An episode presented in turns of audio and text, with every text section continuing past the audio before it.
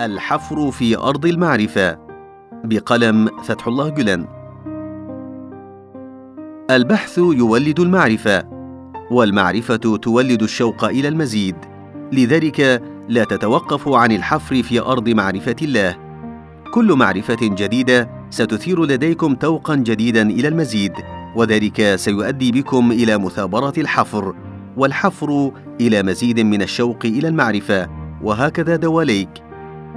كمثل رجل رمى بدلوه في بئر فلما سحبه وجده يفيض بالماء فازداد شوقا إلى الاستزادة فأعاد الكرة بعد الأخرى.